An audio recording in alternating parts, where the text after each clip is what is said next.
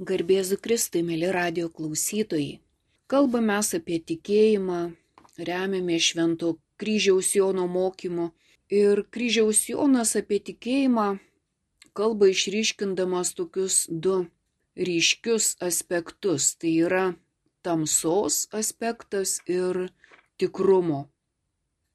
Galim sakyti, kad mes įpratę naudojant savo žmogišką intelektą visame kame siek tikrumo. Ir tai, kas žemiška prasme mums yra nebejotina, tai mūsų intelektui yra aišku. Tikri dalykai mums yra aiškus. Bet kai kalbam apie antgamtinius dalykus, viskas yra atvirkščiai. Kas labiausiai tikra, tas mums labiausiai neaišku. Tai kai kalbam apie tikėjimo slėpinius, čia mes ir susidurėm su tam tikrais intelektiniais sunkumais. Mes negalim aiškiai suprasti, kas mums ar ne, kas mums yra neaišku iš esmės, kai kalbam apie tikėjimą negalim suprast, kas mums neaišku. Ir būtent kryžiaus Jonas paaiškina, kodėl taip yra. Jis sako, kad tikėjimas skatina mus tikėti tiesomis, kurios visiškai pranoksta mūsų žmogišką supratimą. Ir jos pažįstamos, tos tiesos, jos pažįstamos tik tiek, kiek jos yra priimamos, kiek jos yra priimamos mūsų tikėjimo. Paskaitysiu vieną citatą. Iš to išplaukia, kad ši sielai suteikta per nelik didelė tikėjimo šviesa, jai yra tik tiršta tamsa. Nes ji nustelbia tai, kas yra didu, ir pašalina tai, kas maža, lygiai kaip saulės šviesa nustelbė visas kitas šviesas. Tad kai ji šviečia ir mūsų geba regėti daro bejėgę, jos pasirodo visai nesančios šviesomis. Taigi ta didelė tikėjimo šviesa iš tikrųjų, kaip kryžiaus Jonas sako, yra tik tai tiršta tamsa. Tikėjimo šviesa yra tiršta tamsa. Kitaip tariant, tikėjimas apakina, užtemdo protą ir tarsi tas prigimtinis pažinimas netenka galių. Jis pats nepraranda vertės, Tačiau priimdamas tikėjimo tiesas jisai praranda galę, jas mums padaryti tokias tikras, kaip mes įpratę, žemišką prasme pasidaryti tikrą, vat tuos regimus dalykus, kurie galbūt mums ten kėlė abejonę. Taigi, kryžiaus Jonas sako, išmokti Dievo paslapčių tai tarsi pasišviesti kelią ryškios saulės šviesoje, kurioje mes esame apakę, ar ne? Jeigu mes išėję iš savo tamsos pažiūrim į saulės šviesą, mes esame apakę. Mums yra tamsa ir toje šviesoje, kad ir kokia nors ten švieselė ar ne, jinai netenka prasmės, nes mus apskritai ta šviesa apakina. Taigi tas, kuris nori rasti kelią pas Dievą, kaip sako kryžiaus Jonas, jis turi būti tarsi vedamas už rankos, kažkas jį turi vesti už rankos. Taigi mūsų prigimtinis pažinimas kliaujasi savokomis, bet kryžiaus Jonas nori pasakyti, kad intelektas taip pat turi to antgamtiško pažinimo gebėjimą, jei mūsų viešpats panorės, kad jis veiktų antgamtiškai. Dėl ko mes sakom, tikėjimas yra dovana. Nes ką padaro kryžiaus Jonas šitoje kryžiaus Jono citatoje, jei mūsų viešpats panorės, kad tas mūsų e, intelektas e, įgytų tokį pažinimo gebėjimą, kad veiktų ir antgamtiškai. Taigi intelektas gali, kaip kryžiaus Jonas sako, pažinti tiesas antgamtiškai, jeigu viešpats panorės, netarpininkaujant jokiam jūsliniam vaizdiniui anapus atskirų savokų. Taigi paaiškina, kaip tas intelektas, ir ne mes galvotume, nu taip, nu jeigu gali tas intelektas, nu tai aš ir stengsiuos pažinti. Ir ta mano pastanga yra sugriepti, ar ne, kaip vokiečių kalboje greifen, o savoka yra begrifen, ar netarsi savoka aš sugrėbiu ir vėl mes bandom savokomis sugrėbti ir anapusinius dalykus, bet sako, ne, ne, tavo intelektas pajėgus, bet ne tokiu būdu, ne per savokas. Dievas gali, jei to nori, tiesiogiai apšviesti protą savo beribę šviesą ką jisai iš tikrųjų ir daro danguje. Taigi kryžiaus Jonas sako, Dievas, jeigu to nori, jis tiesiog gali e, mūsų protą apšviesti savo beribę šviesą. O sielos gabumas gauti šią šviesą nėra prigimtinis. Vėlgi kryžiaus Jonas sako, intelektui iš prigimties būdingas pajėgumas priimti, tam tikras pasyvus pajėgumas priimti šią šviesą, bet šis pasyvus pajėgumas nepadaro sielos tinkamos gauti tą gamtišką šviesą. Tai va tas tinkamumas atsiranda tada, kai siela yra teisingoje laikysenoje Dievo atžvilgiu. Tarsi ji suderinusi save su Dievu tam, kad galėtų priimti antgamtiškus e, dalykus. Ji gali gauti, bet ji turi būti pasiruošusi. Ir šis pasiruošimas, kryžiaus Jonas sako, vad ta teisinga laikysena, e, kad siela priimtų tą malonę, galima tik tada, kai siela ugdosi tikėjimo, vilties ir meilės darybėse jeigu ji tikrai gyvena tikėjimu, viltimi ir meilė. Reiškia, niekada mes to negalim gauti iš smalsumo, iš žingeidumo, iš užsispyrimo, kad vis tiek aš sužinosiu, nes man įdomu. Ne. Sila tarsi turi užaukti e, toms dovanoms.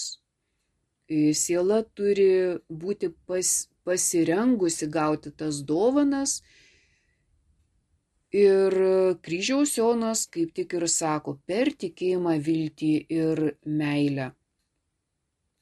Taigi šių darybių praktika e, kaip tik, kaip jis sako, nuteikia žmogaus sielos galės priimti iš Dievo aukštesnės šviesas ir įkvėpimus. Ir tokiu būdu vėlgi jis suminėtas į lietasias dorybės. Bet siela turi būti pasirengusi Dievo slėpinių patyrimui. Tai tai, ką mes galim daryti, tai pasirengti. Mes negalim patys e, pasiekti, ar ne, e, vat, tokio tikro Dievo, koks jis yra savyje, per užsispyrimą, bet mes jį galim gauti, kaip ir mokytas Ekartas sako, kad tiesiog Dievas negali neduoti sielai savęs, jeigu ji gyvena e, dvasios beturčio gyvenimą, jeigu jinai visiškai atsižadėjus savęs. Arba kaip kryžiaus Jonas sako, va, per tikėjimą, viltį ir meilę. Tai taip pat yra tas pats savęs atsižadėjimas, nes tu tiki ne į save, į Dievą tu turi viltį jame, ir gyveni juo, gyveni meilę. Bet vėlgi, sako kryžiaus Jonas, ar pats tikėjimas e, negali būti savokinis? Jis sako, kodėl? Gali.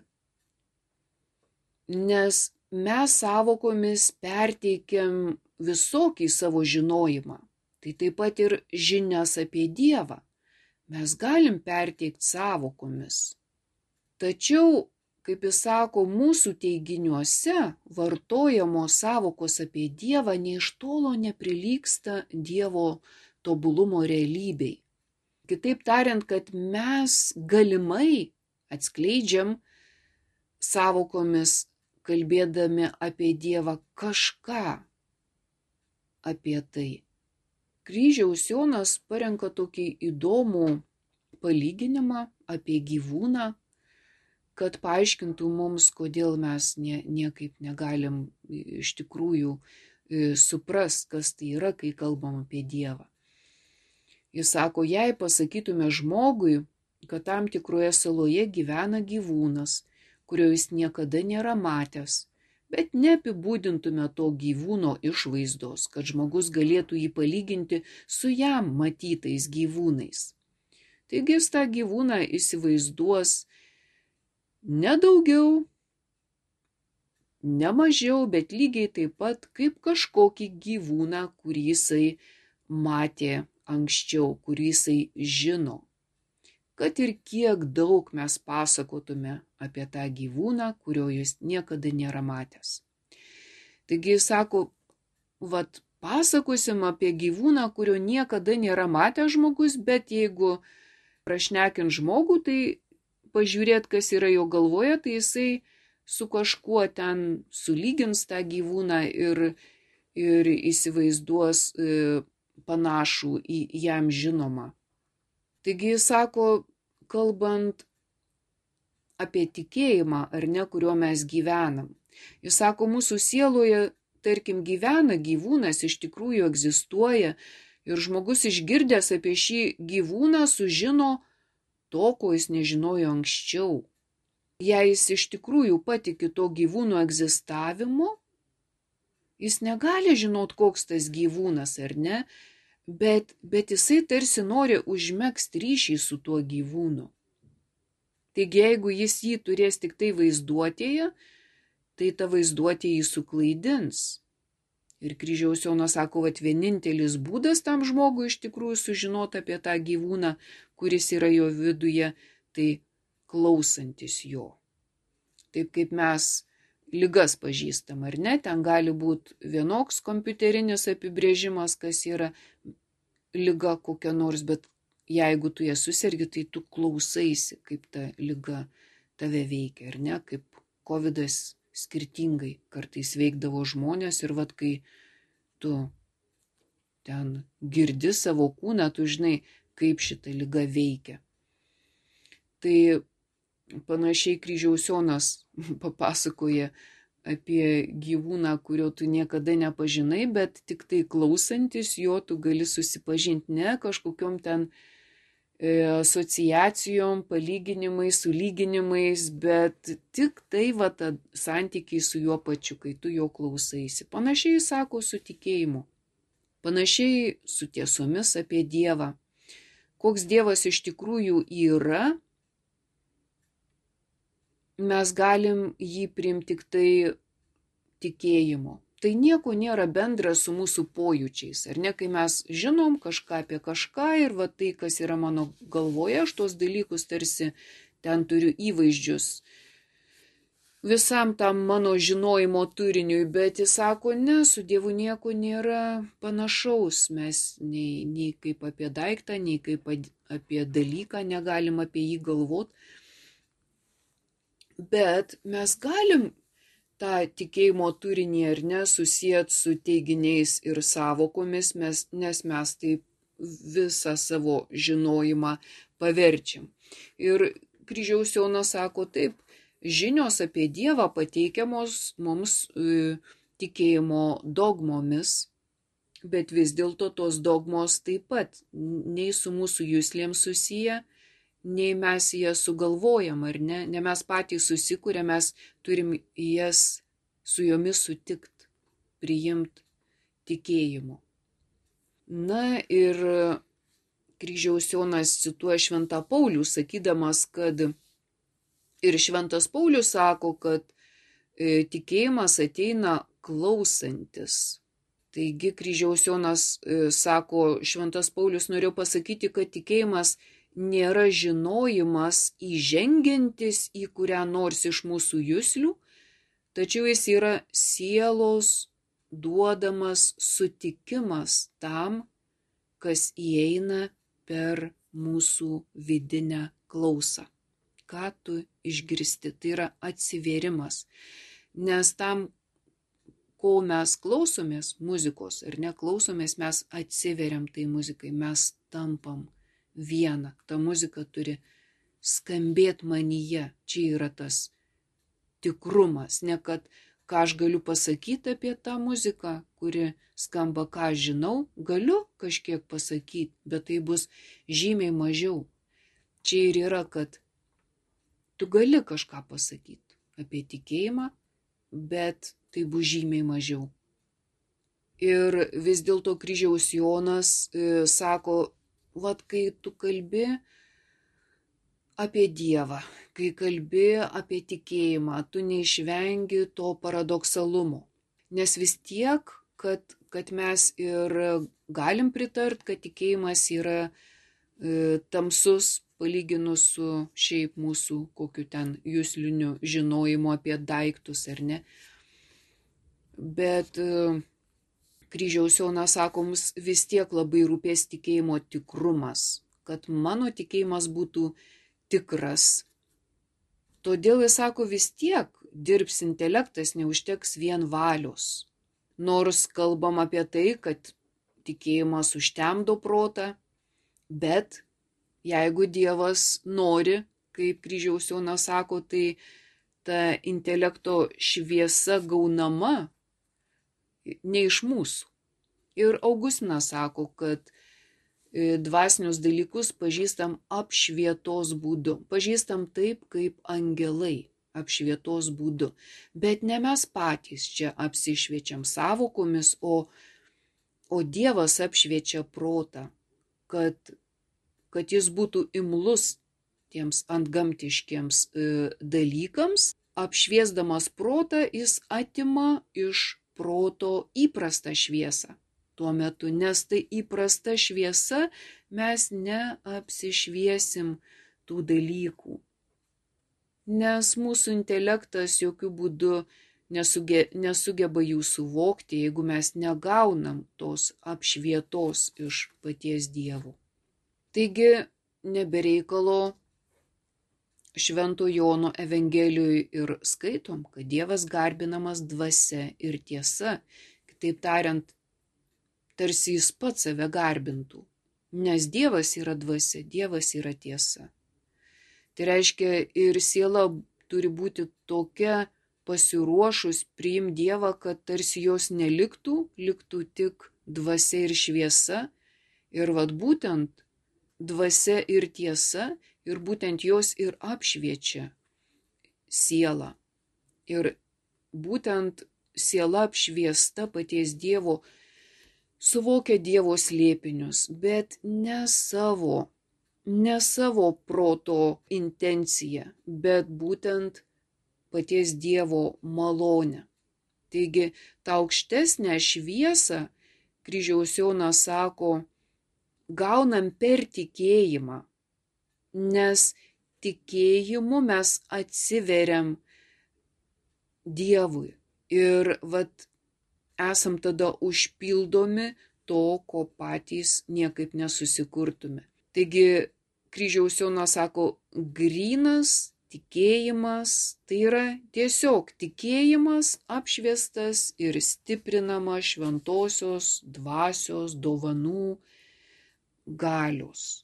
Tai, ką mes galim padaryti, tai tik siek tokios laikysenos, kad taptume tais dvasios beturčiais, kad klausytume, kad būtume atsivėrę Dievo maloniai, kad mes tikėtume į Dievą jame turėtume viltį ir gyventume juo meilę. Tik tokiu, tik tokioje laikysenoje gauna mūsų siela apšvietimą. Tikėjimas sielai, kaip prašo kryžiaus Jonas, yra tamsi naktis. Ir šitaip jis teikia jai šviesą. Kuo labiau siela užtemdyta, tuo ryškesnė ją apšviečianti šviesa.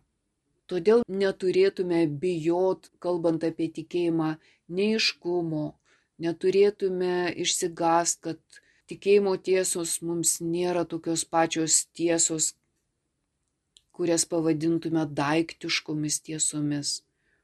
Jos iš principo yra visiškai mums nepažinios. Dėl to Jėzus sakė, aš esu tiesa, aš esu kelias, gyvenimas, sekit manimi. Ir kryžiaus Jonas, kalbėdamas apie tikėjimą, palygina tikėjimą su debesies tulpu. Jis sako, debesies tulpas vedė Izraelio vaikus iš Egipto per dykumą.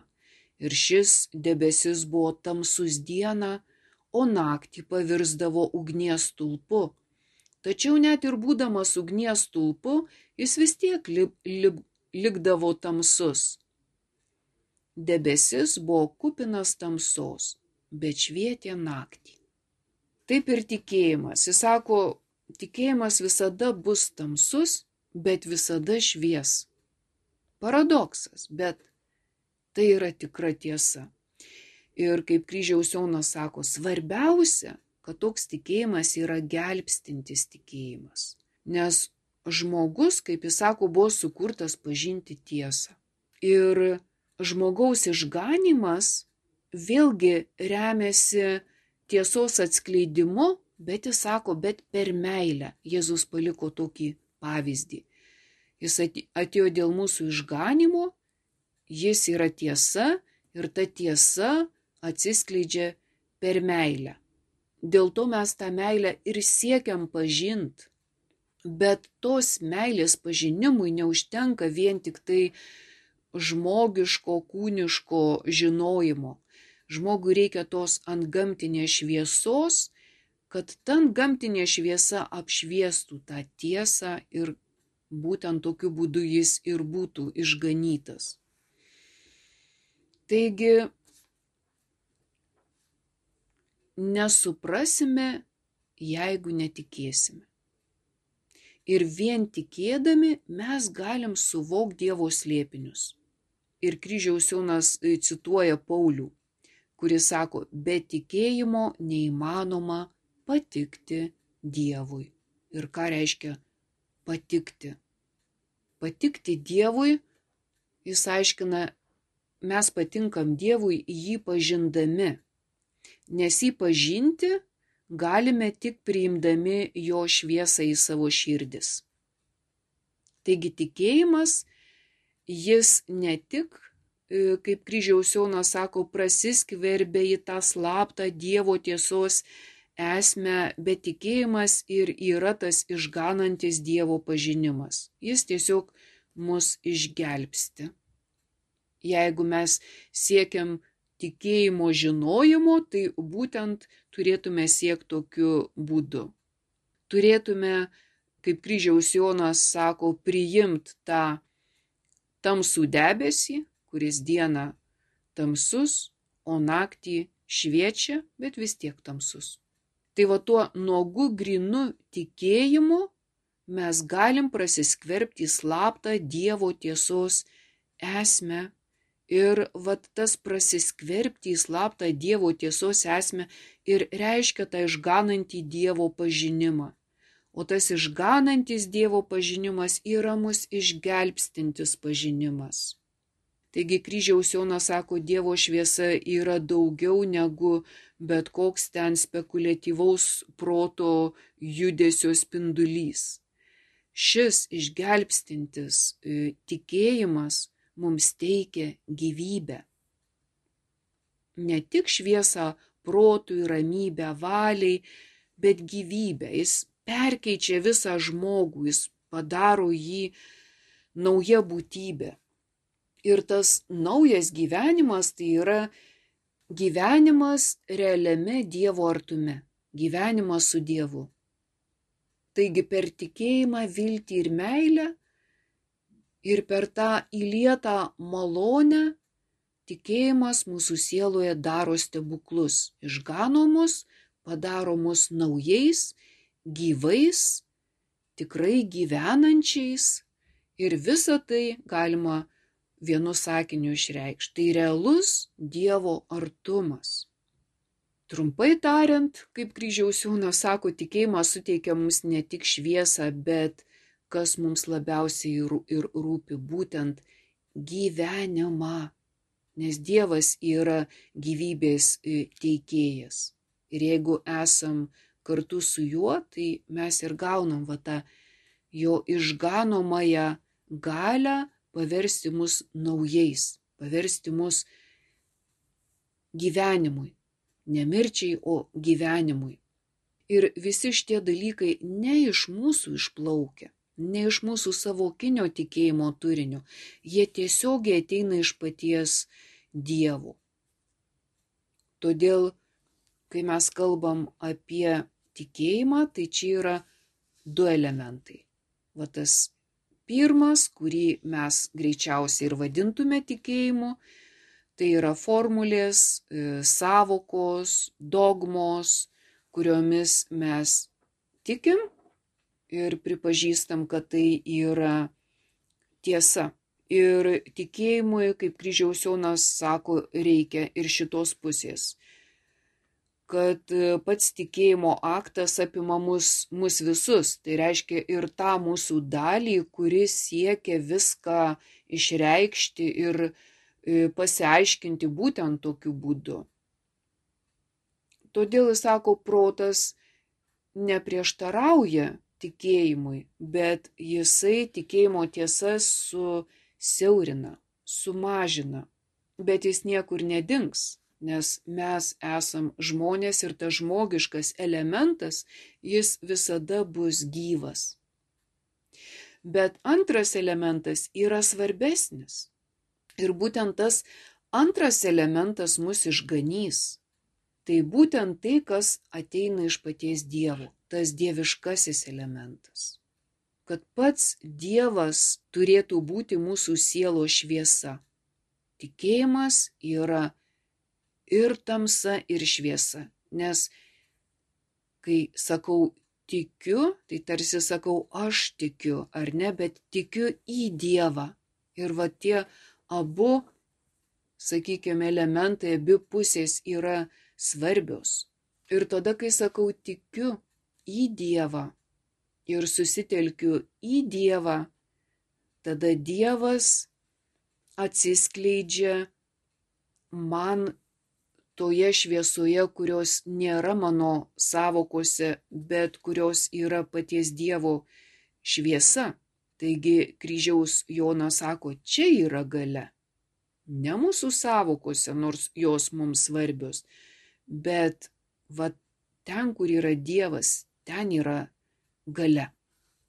Šventas kryžiaus Jonas dvasinės giesmė, savo veikalo dvasinė giesmė, vienoje ištraukoje kaip tik taip labai poetiškai gražiai perteikė sielos pokalbį su tikėjimu. Dievą pamilų siela čia kreipiasi į tikėjimą, kuris laikomas ne abstrakcija, bet realybė. Tiesiog tokia jo poetinė metafora, kad siela kreipiasi į tikėjimą kaip gyvą realybę, kuri egzistuoja ir veikia tikinčio dvasiui. Ir šis šaltinis, tikėjimo šaltinis yra tai, ką Kristus vadino versme vandens trykštančių į amžiną gyvenimą. Taigi vieną posmelį paskaitysiu. Siela tarė tikėjimui. O krištolo šaltinį.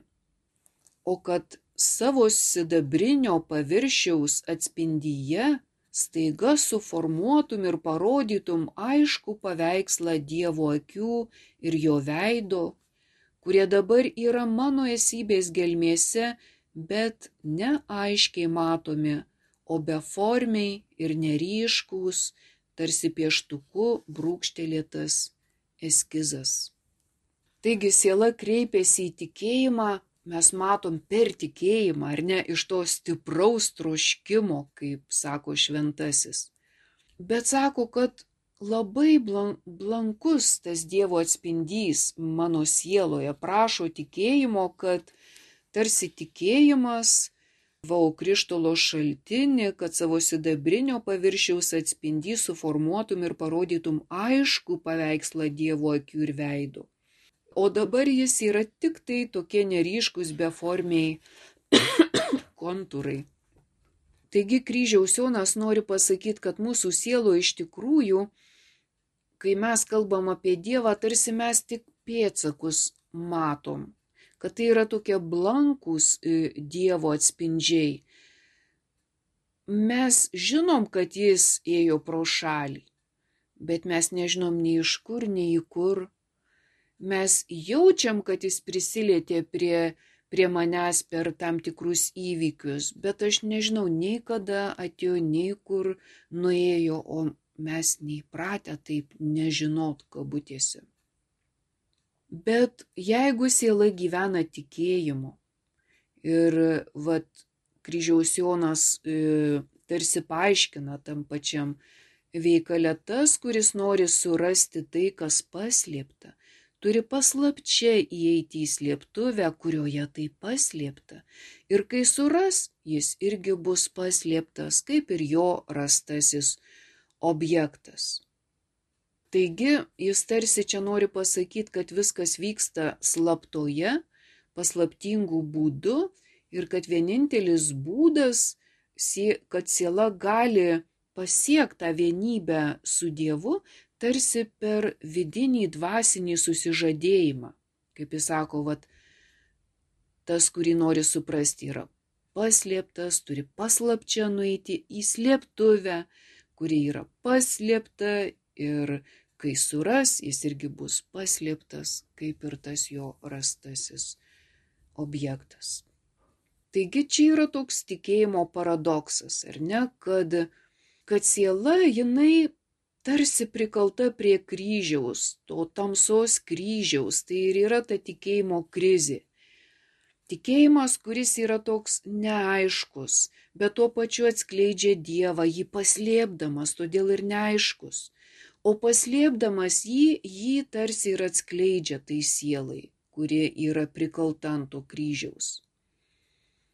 Ir mes matom, kad kai mes kalbam apie kryžių, ar ne, Jėzus iš meilės eina mirtant to kryžiaus. Taigi ir siela turi primti tą kryžių iš meilės. Todėl tikėjimas iš principo yra meilės agonija. Meilės, kuri myli Dievą jo nematydama kuri jau ilsisi Dieve ir vis dėlto trokšta patirti jį tame griname regėjime. Bet iš tikrųjų tai sielos atilsis geriausiu atveju yra tarsi kybojimas tuštumoje. Ir šitoj vietoj pacituosiu Jozefą Ratzingerį iš krikščionybės įvado. Tokia, jis, jis prisimena labai gerą pavyzdį, irgi norėdamas paaiškinti, kas yra tikėjimas, ir sumini Polį Klodelį ir jo veikalą atlasinės kurpaitės. Ir sako, kad būtent šito veikalo paskutinė scena, o apskritai šita, šito veikalo pirmoje scenoje yra tokia tikinčiojo situacija perteikta tokiu labai jau ryškiu paveikslu. Veikėjas, e, nu paskaitysiu tą visą jo citatą, klystančio, pasimetusio tarp Dievo ir pasaulio veikėjo Rodrygo brolis, jėzuitų misionierius, parodomas ištiktas laivo katastrofos. Jo laivą nuskandino piratai, jis pats buvo pririštas prie medinės laivo sijos ir tiesiog išmestas į šilstančią jūrą. Taigi veiksmas prasideda jo paskutiniuoju monologu. Viešpatė, dėkoju tau, kad mane taip pririšai. Kai kada tavo įsakymai man atrodydavo labai varginantys, o mano valia jų akivaizdoje buvo visiškai bejėgė ir menka. Bet būti glaudžiau su tavimi susijęs aš nebegaliu. Dabar ne vienas mano sanarys nuo tavęs nebeatitols, kad ir kaip pavargtų. Ašgi iš tikrųjų esu pririštas prie kryžiaus.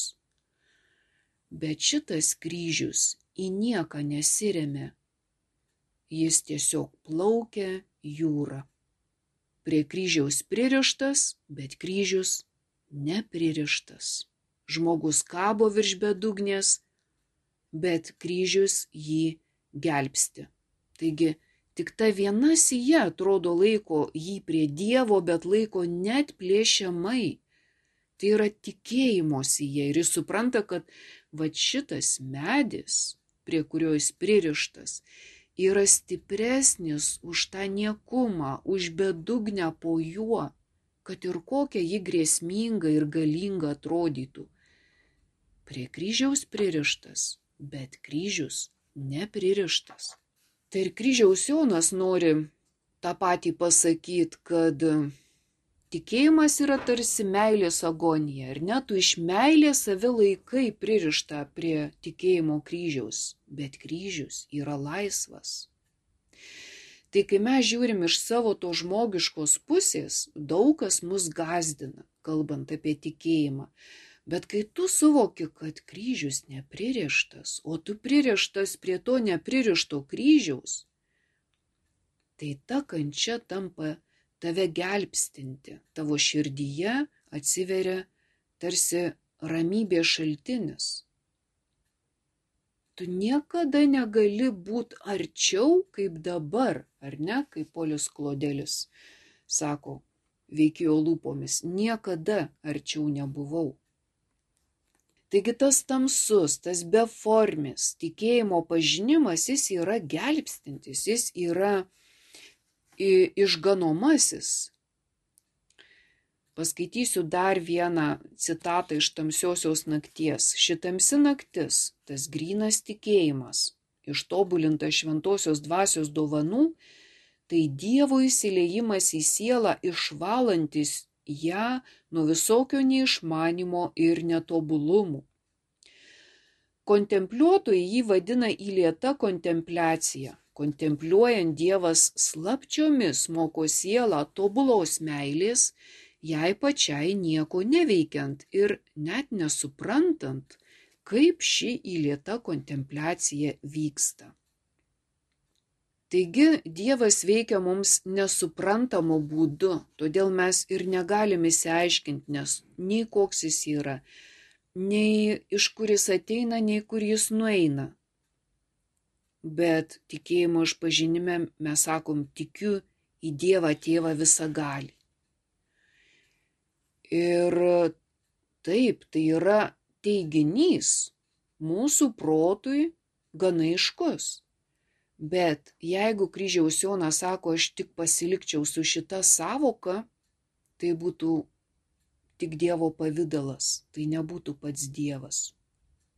Todėl mes neturėtume trokšti Dievo regimybės arba jo kokio nors pavydalo, bet mes turėtume trokšt pasiekti patį Dievą.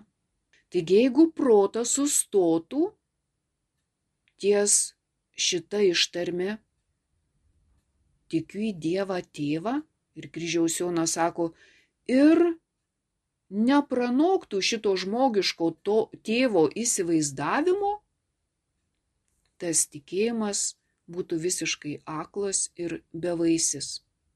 Taigi tikėjimas, kaip, kaip kryžiaus Jonas sako, dėl savo teiginių, kurių jis mus moko, lyginamas su sidabru, o jų esmė ir juose slypinti tiesa lyginama su auksu tą pačią esmę, kurią dabar, padengta tikėjimo sidabru tikime, regėsime ir jie gerėsimės busimajame gyvenime, atsidengus tikėjimo auksui. Tai galim sakyti, kad kai mes savokomis, dogmomis išreiškiam savo tikėjimą, tai tarsi sidabras. Bet kaip jis sako, kažkada gerėsimės būsimajame gyvenime atsidengus tikėjimo auksui. Na ir kitas svarbus, manau, dar dalykas, kad kryžiaus Jonas sako, vėlgi pacituosiu dar vieną citatą jų. Tikėjimas ir Dievas yra labai panašus. Jie skiriasi tik tiek, kiek skiriasi Dievas, kurį matome, ir Dievas, į kurį tikime. Taigi tokiu būdu Dievas pasirodo pasauliui savo dieviškoje šviesoje, viršienčioje bet kokį supratimą.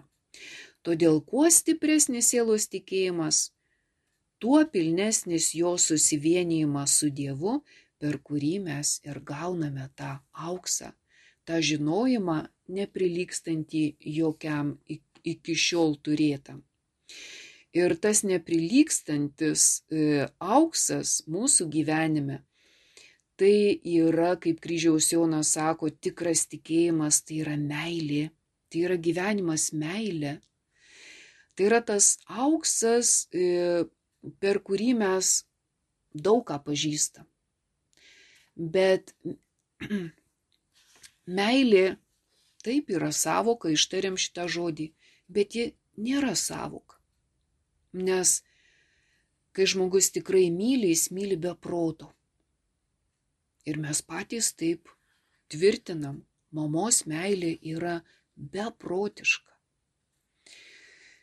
Taigi ir šitoje vietoje, kad tikras tikėjimas, taip, jis gali būti savokinis, bet kryžiaus Jonas sako, jeigu tik ties savokomis sustosim ir nepamatysim, į ką nurodo tos savokos, jeigu nesusitiksim su pačiu Dievu, tai nebūsim išganyti, kaip jis sako, va tas tikras tikėjimas, kai sakau tikiu į tave tikiu tavimi, gyvenu su tavimi ir per tave. Tai būtent toks tikėjimas turėtų būti gyvas ir jis yra meilė. Taigi kitą kartą kaip tik ir tęsim apie tai, kasgi yra tikėjimas kaip meilė. O šį kartą atsisveikinu su Dievu iki kitos savaitės.